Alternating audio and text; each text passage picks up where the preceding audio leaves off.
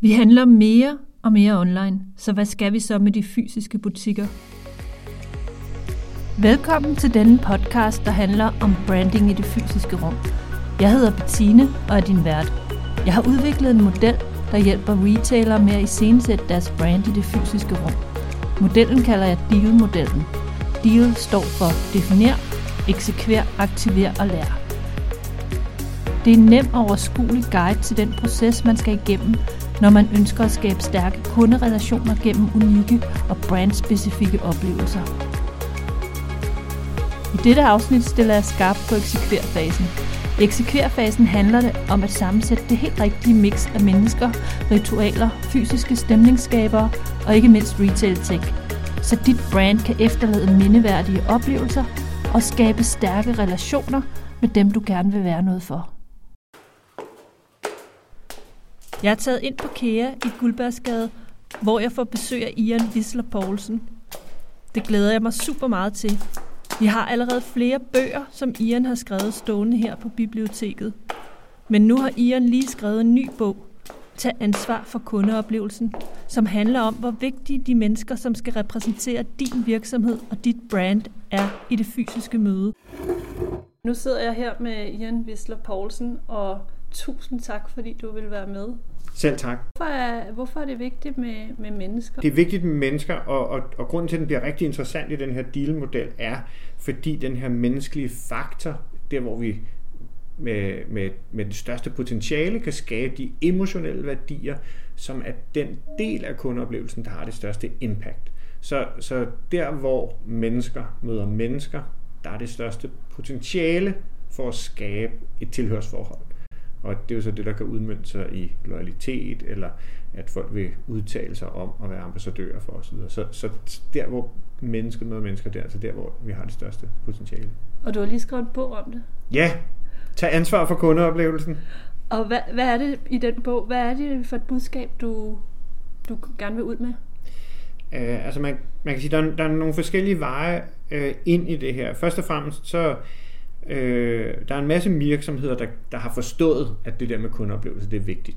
Og, og det vil de gerne arbejde med. Og det har de i strategien, og, øh, så, så det er ligesom besluttet. Men, men min oplevelse er, at de ikke, de har ikke helt forstået, hvad det er.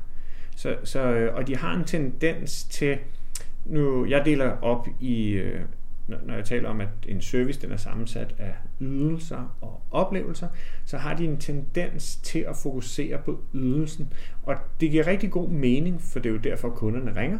Så, øh, så, så, så det gør de så til eksperter i, og de udvikler sig inden for ydelsen, og de videreuddanner sig inden for ydelsen, og de rekrutterer på baggrund af ydelsen. Øh, og, og de bliver rigtig gode til det, og det er jo som sagt også derfor, kunderne ringer. Men øh, mange gange så har kunderne ikke den faglige forståelse for, hvad ydelsen egentlig er. Øh, så de, de kan ikke rigtig vurdere, om leverandøren gør det godt eller skidt, men, men til gengæld så alle de oplevelser, som ydelsen er pakket ind i, dem, dem kan kunden forholde sig til, og det ender med at blive vurderingsgrundlaget for, om leverandøren har gjort det godt. Så, så det er noget af det, som der i hvert fald er omdrejningspunktet i øh, bogen. Altså det er sådan hvad-sektionen. Nu er den jo delt op i tre sektioner, så i hvad-sektionen det handler om det her med at forstå, hvad er det egentlig at arbejde med kundeoplevelsen. Øh, og så hvis jeg lige skal spole lidt tilbage, fordi så, så starter bogen med en hvorfor-sektion, og det er hvorfor vi skal gøre det. Øh, og de fleste virksomheder er jo drevet af en, noget økonomi, at de vil, de vil gerne tjene nogle flere penge, Øh, og økonomi er også et udbytte, vi kan få i arbejde med kundeoplevelser, men, men der er nogle forskellige andre pointer, som er relevant, og som, er, som, som vi kan få noget udbytte. Og hvis jeg bare lige skal fremhæve to, så er den, så er den ene, at øh, opgaven bliver lettere at løse. At, at vi kan se, når vi arbejder med tilfredse kunder, og det gør vi, hvis vi skaber gode oplevelser for dem, så bliver det faktisk lettere at løse den opgave, vi er stillet og, øhm, og, og tilbøjeligheden til at tilgive fejl, den er meget større hos tilfredse kunder end hos utilfredse kunder. Så det bliver simpelthen lettere at løse opgaven, hvis vi skaber gode oplevelser. Og en anden, et andet udbytte er, at vi kan få de her ambassadører, som er vigtigere nu end nogensinde før. Øh, der er en tilbøjelighed til, at kunderne stoler mere på andre kunder. I 92% af tilfældene, der, der tror kunder mere på andre kunder også kunder, som de ikke selv kender, øh, end de tror på virksomheden. Så, så derfor er det sindssygt stærkt, og, og som jeg også skriver i bogen, så for 20 år siden, der fortalte man om en oplevelse til 8 af sine nærmeste venner. Nu der er de de 8.000 nærmeste venner, fordi man går digitalt med gode og dårlige oplevelser, og så spreder det sig viralt, og det går sindssygt stærkt. Så, så den der ambassadøreffekt er blevet vigtigere end nogensinde, og det er drevet af kundeoplevelsen. Og de her mennesker øh, ude i, for eksempel lad os tage retail, altså detailhandlen, altså hvordan kan man få dem til at levere de gode oplevelser? Øh, det har sådan traditionelt måske ikke været sådan det mest attraktive job heller ikke, og, og, og måske, nogle steder så hører man også tit, at der er hurtigt ind og ud, og, og altså hvordan kan man arbejde med mennesker og få dem til at, at få lyst til at give de her gode kundeoplevelser? Ja, altså først og fremmest, så, så skal man jo have en, en, en ledelse, der ved det her, og en ledelse, der, der styrer efter det her, og har det højst på agendaen. Og ikke er så fokuseret på, på tal, de skal være meget mere fokuseret på det her med at skabe de menneskelige oplevelser, som skaber loyalitet, som så kunden har lyst til at komme igen. Øh, og, og de mennesker, der så skal være derude i fronten, altså de skal være meget mere øh, tunet ind på at skabe menneskelige oplevelser, fordi det er det, tror jeg på, der kommer til at styre retailbranchen. Så, så, så som du også taler om i dealmodellen, det her med at have øh, et setup, øh, altså det her med at have øh, det her stemningsskabende øh, øh, setup, hvor vi har forskellige rekvisitter, og, og at, at mennesket så kan agere inden for det. Som, som man har altså sit, man kan sige, det, det er lidt ligesom at skabe teater, når man har sin scene, øh, som er skabt af noget, og blandt andet uniform. Så, så i kraft af det forstærker det øh, oplevelsen. Så, så hvis der er en eller anden, der øh, kommer og spørger min lille dreng, om, øh, om øh, Emil hedder han, om, om han har lyst til at sidde i deres bil, så har det en effekt. Men, men hvis personen har politiuniform på, og bilen er en politibil, så er det en markant større effekt. Men det er stadigvæk det, der, det, der ligesom er den største øh, udløser for oplevelsen, det er det, at der er en person, der spørger en anden person. Så at det er politibetjenten, der spørger min lille søn, om han vil sidde i bilen. Så, så de der rekvisitter, altså den, den scene, er, er afgørende, men, men det, der har det største impact, det er mennesket, der overfor mennesket giver den her oplevelse. Og hvad, hvad er så dine tanker omkring det her med, at, øh, at de mennesker, der står ude i retail, altså hvad for en titel de har, hvad betyder det for, for dem, hvordan man rekrutterer de rigtige mennesker, øh, hvordan kan man gøre det, og hvordan kan man fastholde dem? Ja, altså jeg vil, jeg vil sige, som, som man også hører, øh, som jeg oplever fra en masse virksomheder, der har styr på det her, og som man kan se på nogle af dem, der er markedsledende, at, at de, de ansætter efter indstilling. Øh, så, så, altså, og sådan, som jeg også tror, jeg skriver i bogen, det er, at, at kasseapparatet kan vi lære dig at betjene, men, men den rigtige indstilling bliver vi nødt til at have. Så, så, og en virksomhed, jeg var, jeg var ansat i, også sagde, at øh, altså, du skal være interesseret i mennesker, hvis du skal betjene de her folk. Altså, så, så, så det der med at være interesseret i dem, der kommer ind ad døren, og prøve at forstå deres situation og deres behov, og så til gode se deres ønsker, er vigtigt for de her, øh, de her, de her medarbejdere, der skal stå i butikken. Så det er en afgørende faktor, at de har den rigtige indstilling. Og det er en grundlæggende ting. Men ja. hvis man nu ser på, at, at det skal være en del af en virksomheds brand måske, at de her mennesker skal være udleve brandet, og du har selv et rigtig godt eksempel fra sådan en amerikansk restaurant, Stacy's tror jeg den hedder. Ja, som, ja. Altså, hvor, den er jo meget specielt beskrevet ja. i bogen, sådan en amerikansk ja. Øh, diner. Ja. diner, ikke? Ja, lige præcis. Altså, er de samme mennesker, som man skal rekruttere til dertil, som for eksempel, lad os sige, Henrik Vipskov skulle ind i hans butik? Nej, øh, altså, øh, nej, og der bliver de nødt til også at kigge på sådan det der med typen, øh, og, og og på Stacy Steiner, øh, som ligger dernede på, på Køge Marina, øh, altså der, der bliver de jo også nødt til selv at, øh, øh, jeg vil sige, at i en eller anden grad at leve det brand, fordi de, de indgår, hvor de skal være en så tydelig karakter, så, så de skal ville være den karakter. Og det tror jeg bestemt også er noget, der kommer til at storme frem i, i retail. Det her med, at, øh, at personalet øh, næsten taget ud af setup'et stadigvæk er den karakter. Øh, og, og det kan man dernede se, de har det her 50'er og lidt skæve vinkel, og, og det gør også, at øh, kunderne spiller med i mange tilfælde. Så, så kunderne kommer også og klæder sig ud til, at de skal ud og spise Det er her. sjovt. Det, det er jo helt vildt sjovt, og det er jo, jeg har været der mange gange, og det, men, men det fede er jo det der med, at der ikke bliver kigget skævt på, når nogen gør det. Nej. Altså det er bare, sådan er det. Ja. Øhm, og, og hvis man ikke klæder sig ud, så er det også okay. Men, men, men de sætter alligevel scenen, og, og øhm, de, de inviterer i høj grad til det. Altså sådan noget som, jeg skriver i bogen der, den grunden til at have dem med, det er egentlig ude foran, at de har parkeringspladser, som er afmærket til, at her må der kun holde amerikanerbiler og motorcykler. Og, og det er jo sådan en enorm stor invitation til kunderne, for det kan godt være, at der ikke holder nogen biler, men, øh, men det gør der mange gange, og så holder de de fedeste amerikanerbiler, så, så man ved ikke helt, hvad, altså det er jo en lille del af spændingen ved at komme derned og sige, kan vide, hvad der holder på parkeringspladsen i dag, for vi ved det ikke. Mm. Så det der overraskelsesmoment Ja, lige præcis, er en del ja. af det. Og, men- hvad kan man som almindelig retailer, var jeg ved at sige, at lære af det her eksempel, og hvordan kan man få sine kunder til at, at få lyst til at, at være med? Altså jeg tror, man skal, man skal, man skal tænke meget mere ind i, altså i fremtiden i forhold til med retail, og tænke meget mere ind i at være oplevelsesskabende, og, og det gør bestemt ikke noget, at man tænker en lille smule sensation. Øh, jeg kan se mange af de virksomheder, der også hyrer mig, altså øh, hvis man ser på de forespørgseler, de har, fordi de er jo med på det der med, med, med kundeoplevelse, men, men der, hvor de gerne dels vil have medarbejderne til at gøre noget, så vil de gerne have dem til at tage ansvar. Og det er også derfor, jeg har valgt at kalde bogen det her med at tage ansvar for. For det stikker ud over bare at servicere. Og så en anden ting, de spørger om, det er sådan noget med værtskab. At de vil gerne have, at deres øh, medarbejdere tager værtsrollen. Og det tror jeg er rigtig godt set, og jeg er overbevist om, at, at, at det er det, der vinder ind. At, at, at medarbejderne påtager sig værtsrollen frem for bare at betjene. Øh, og det kan man i højere grad gøre i det fysiske rum, end man kan gøre det digitalt.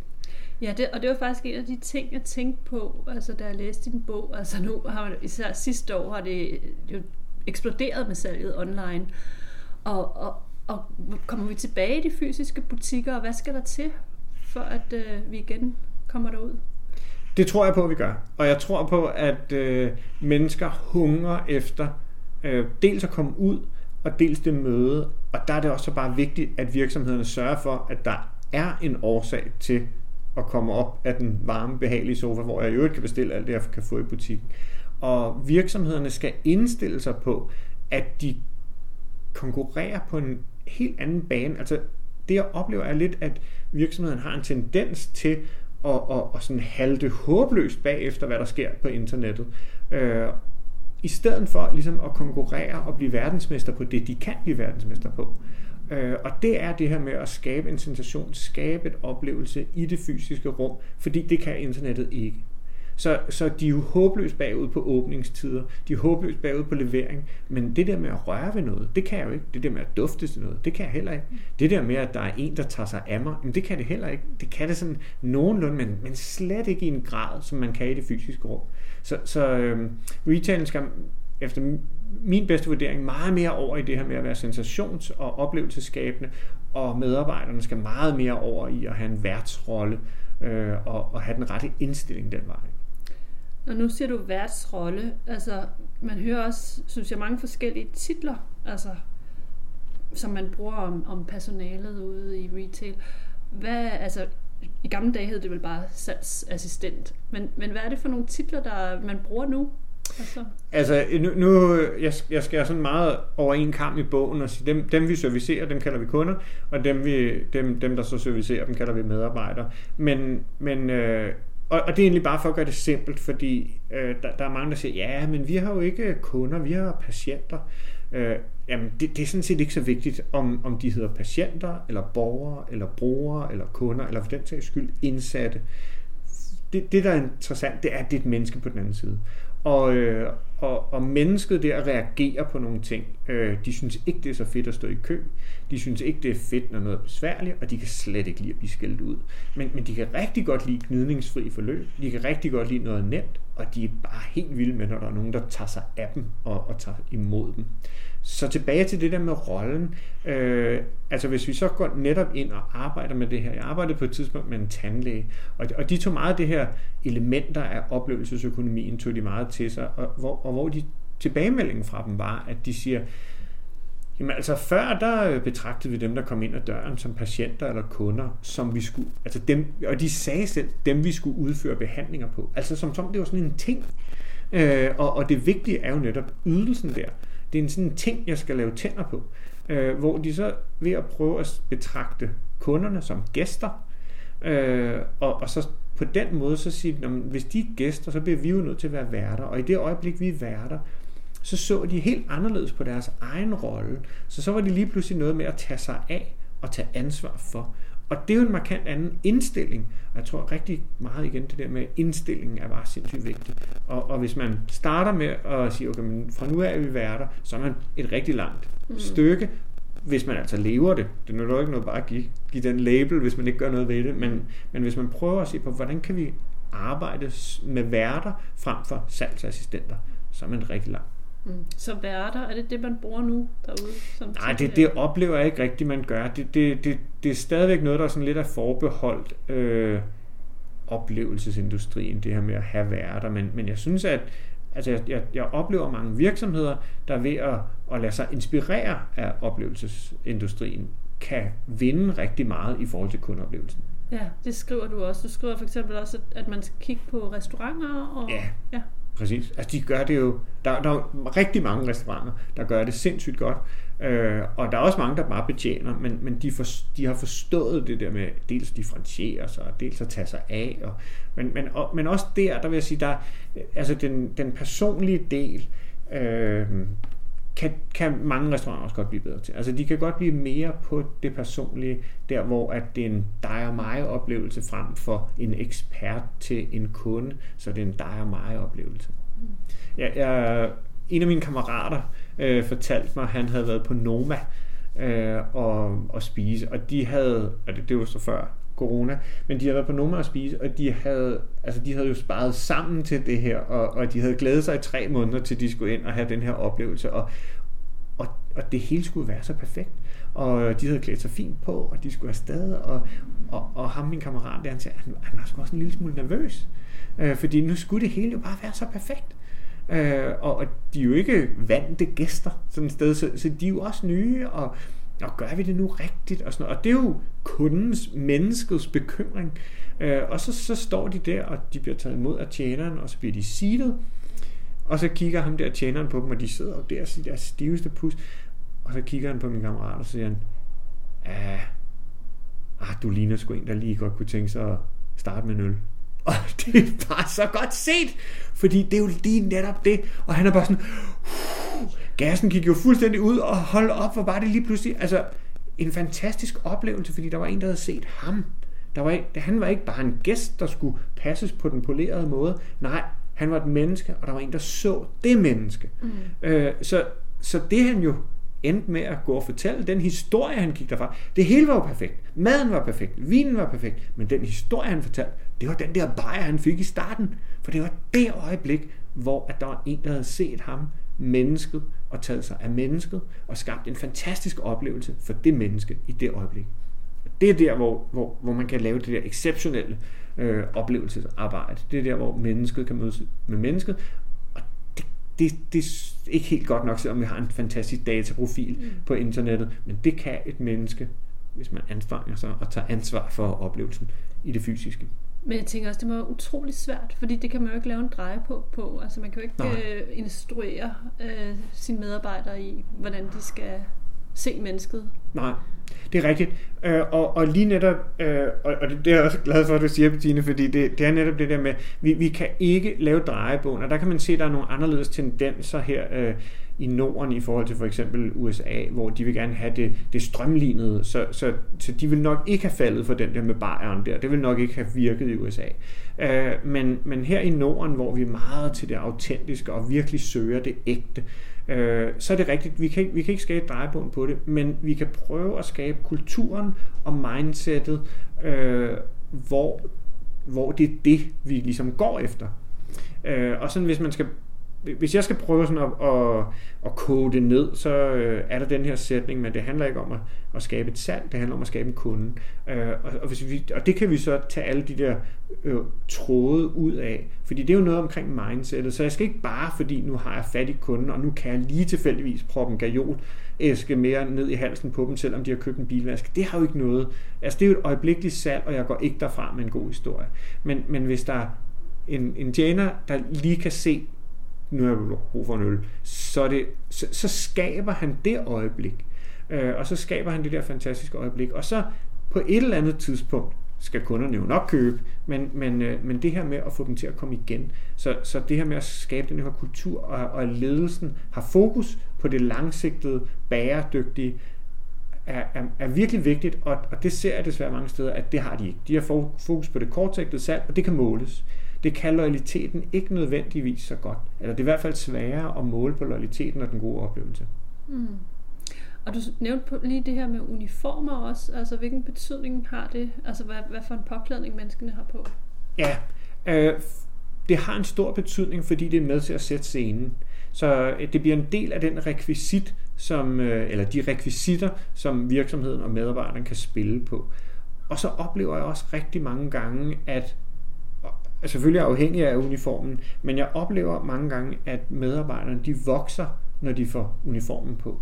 Så øh, øh, man, man kan se, at, at medarbejdere, fordi de behøver nemlig ikke nødvendigvis at være shining stars, når de kommer ind ad døren, men hvis de bare bliver det, når de får uniformen på, så er de virkelig meget mere vigtigt. Øh, så hvis de føler, at de vokser med uniformen, så leverer de også så meget mere. Og hvis de føler det, det kan også være, at de får autoritet, men, men de får også bare, og, og, og så vil de give meget mere af sig selv, og, og så bliver de også meget stærkere tilknyttet til brandet. Og det er virkelig givende for både virksomhed, medarbejder og, øh, og kunde. Så det kan være vigtigt at tænke over, hvad for noget tøj, som ens medarbejder skal have på. Ja, øh. og, og, og, og det der med at, at, at give dem ansvar, så de tager ejerskab, sådan så at det, at de får uniformen på, bliver lige med, at nu kan jeg noget, nu kan jeg være supermand eller superkvinde, øh, i, i en eller anden setting, sådan så her kan jeg skabe noget fantastisk. Så, så, så der kan uniformen have en, en betydning. Og uniform kan være mange ting. Uniform kan også bare være en lille pinde, øh, eller at vi har pænt tøj på, der er mørkt, eller øh, det behøver ikke at være, at vi skal, vi skal være ens alle sammen, men det, at vi har noget, der gør os til den, øh, man går til, det, har, det kan have en stærk effekt. Øhm, hvad tænker du om alt det her IT, der er på vej ud i, i retail lige nu? Altså med skærme og touchscreen og magic ja. mirrors og QR-codes og sådan noget. Hvad, hvad, kan, hvad, hvad tænker du om det? Altså, øh, jeg, har, jeg har set en del cases, hvor det overhovedet ikke fungerer. Øh, og jeg kan se en masse virksomheder, der lader sig styre af, hvad der er teknologisk muligt, frem for hvordan de igen har fokus på det menneske, der nu engang skal købe, eller er kunden. Øh, så, så de er meget mere styret af hot design øh, og smart teknologi, end, end dem, der egentlig er aftagerne. Og øh, IT kan en masse, og det skal vi også bruge. Og det, vi, vi kan jo identificere data om kunderne, som de ikke engang vidste om sig selv, og det skal vi også bruge. Men vi skal bruge det til at understøtte den emotionelle oplevelse. Så øh, nogle af de virksomheder, som jeg har hørt om i retailbranchen, der gør det godt, der, der kan de jo så identificere kunden, så de kender deres profil osv. osv., osv. så det kan føde ind til medarbejderen, således at medarbejderen så kan give den fantastiske oplevelse, med, fyldt med emotionel værdi. Og hvem gør for eksempel det? Øh, der var en eller anden tøjbutik, jeg, øh, jeg, jeg hørte om, og nu kan jeg ikke huske deres navn, men, men, øh, men, men hvor de... Øh, hvor kunden identificerer sig, når de kommer ind.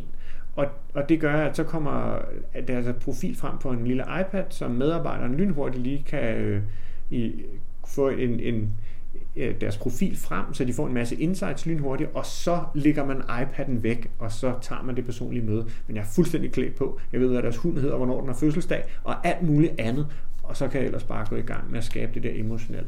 Men, men det kan også være anden understøttelse af teknologi. Altså nu, jeg nævner selv øh, et eksempel på, øh, at jeg skulle købe nogle løbesko, og jeg havde fået at vide, at jeg skulle købe dem i Marathon Sport.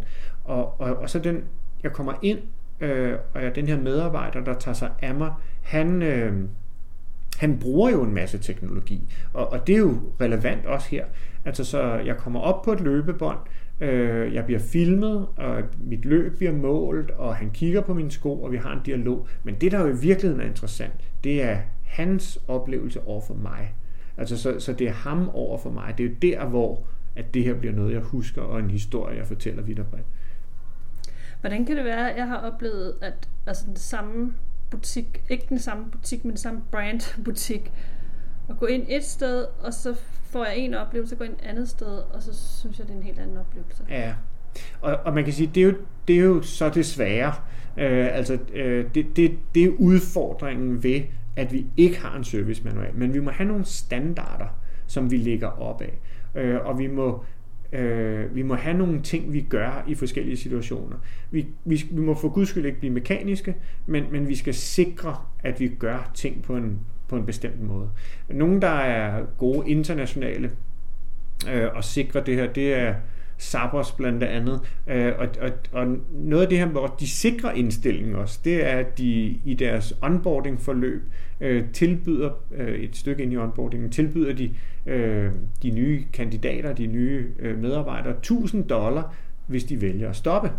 Øh, og, og, og jeg synes, det er ret interessant. Perspektivet er interessant, fordi hvis, eller tanken er, at hvis de tager imod de 1000 dollar, jamen så, er de, så brænder de ikke nok for at være hos Sabos. Øh, og, og så kan man sige, okay, så koster det 1000 dollar, det er alligevel mange penge. Jamen på sigt vil de komme til at koste Sabos meget mere, hvis de har den forkerte indstilling. Og, og det er jo så tilbage til det der med, at vi skal sikre på en eller anden måde nogen, der ved det her. Øh, og, så vi skal helst ikke Altså vi skal helst ikke have det der, hvor at, at oplevelsen kommer til at, at, at afvige for meget. Den må gerne være personlig i begge tilfælde, men der er bare nogle ting, der er sådan minimum, og de skal tage ansvar, og, og, og så kan vi i øvrigt øh, tune dem ind til at være specielle karakterer, som for eksempel Stacy's i Køge. Men vi må helst ikke have sådan, at det, at okay, det var fuldstændig flad, den her, den duede slet ikke. Du startede med at sige, at, at grunden til, at det er så vigtigt, det er jo det her med, at, at mennesker så fortæller om deres oplevelse med andre mennesker. Og, og, og i dag kan vi jo endnu brede endnu mere ud, når vi har haft en dårlig oplevelse.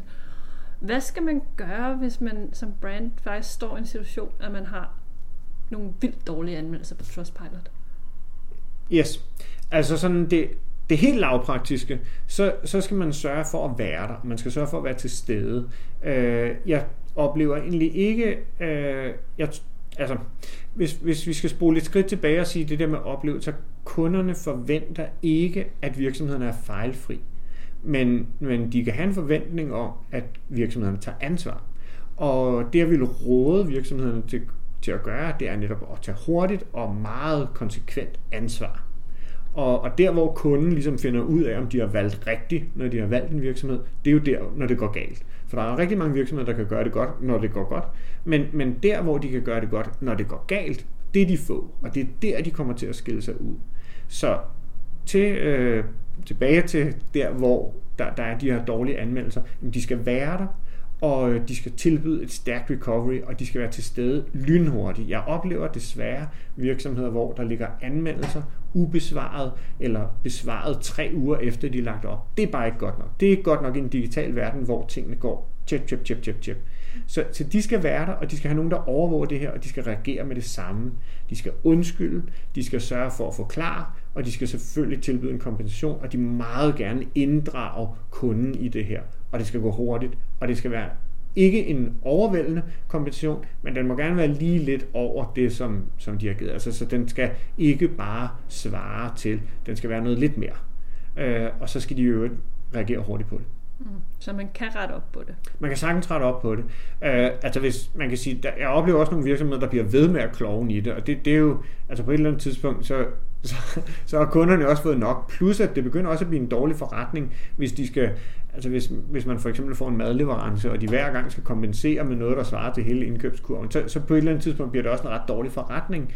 Så, så kan man ikke overleve bare på at have gode anmeldelser. Så, så de skal selvfølgelig tilstræbe, at at de undgår, at fejl sker. Øh, og, og jeg taler også i bogen om det her med, altså vi skal ikke undgå fejl, men vi skal undgå, undgå konsekvensen af fejl, så vi skal helst ikke gentage en fejl. Altså, så når vi, hvis vi finder ud af, at vi laver en fejl, så skal vi lynhurtigt få det delt i virksomheden, sådan så vi tilstræber, at den fejl altså ikke sker igen. Der er noget galt, hvis den fejl gentager sig. Så, så det må vi få rettet op på hurtigst muligt. Mm. Hvad, hvad er dine tre bedste råd her, øh, du kan give videre mine tre bedste råd, altså jeg, jeg tror, jeg vil starte med at sige, altså der, der er noget i forhold til ledelsen, at ledelsen skal sørge for, at de er, og, og det, det er jo sådan et, det, jeg vil nok pakke det ind i at sige et råd, at ledelsen skal sørge for at have det her øverst på agendaen. De skal lære at forstå, hvad det her kundeoplevelse er. De skal ud og være der, hvor kunderne er. De skal få den indsigt, de skal få de oplevelser, som kunderne får og så skal de rose og anerkende deres medarbejdere. Så, så det vil jeg nok pakke ind til, til et og sige, altså den der rosende, anerkendende, tilstedeværende ledelse, det er vigtigt. Øh, et andet punkt vil være det her med at, at sikre forståelse i hele organisationen for kundens perspektiv. Det er ikke nok, at det står i strategien. Vi skal sikre, at alle medarbejdere, alle i organisationen forstår, at de leverer ind i kundeoplevelsen, og det er godt for virksomheden og der er så en masse underpunkter på det, men, men det her med at forstå kundens perspektiv. Og, og så tror jeg, at det sidste øh, punkt, det er, er det her med hele tiden øh, øh, at sikre, at vi tager ansvar for. Altså ikke bare, at vi er leverandører til, men at vi tager ansvar for. Og det vil sige, at når der sker noget, som ikke nødvendigvis er virksomhedens skyld, men tilbage til punkt 2, det med, at det kan godt, det sker i sammenhæng, det sker i kontekst med virksomheden, så kunden vil måske se det som noget af det, der får en til ikke at komme igen. Så skal vi sikre, at vi også tager ansvar der. Mm. Og vi kan ikke tilbyde kompensation for alt muligt andet, men vi kan altid tage os af andre mennesker. Så vi kan godt gå den der ekstra mil. Vi kan altid tilbyde folk at komme indenfor. Vi kan altid tilbyde at lytte. Vi kan sige, ej, det er ked af at høre. Har du brug for en kop kaffe? Er der nogen, jeg skal ringe til? Ved du, hvordan du skal komme hjem? Fryser du? Har du brug for et tæppe over dig? Så alle sådan nogle menneskelige ting kan vi altid gøre. Så kom ud over, hvis skyld det er, og sikre, at vi tager ansvar. Og det er jo også navnet på din bog, til ansvar for kundeoplevelsen, at den kan man jo så læse, hvis man bliver klogere på det her emne. Kan du anbefale nogle andre steder, man kan gå hen, hvis man gerne vil arbejde mere med det her emne? Der, der er jo en masse bøger på markedet om det, men, men jeg vil meget hellere ud og mærke det, og hele tiden prøve at presse mig selv til at sige, kunne det her egentlig ikke have været gjort bedre? Og hvis jeg nu kan tage det hjem til min egen butik, så kan den også blive bedre og så får jeg det også bedre. Så ud i det virkelige liv og sætte dig ind i kundens øh, ja, sted. Ja, præcis. Ja. Og komme ud og få nogle ægte oplevelser, ikke bare der bag skærmen. Super. Tusind tak, fordi du ville være med. Selv tak.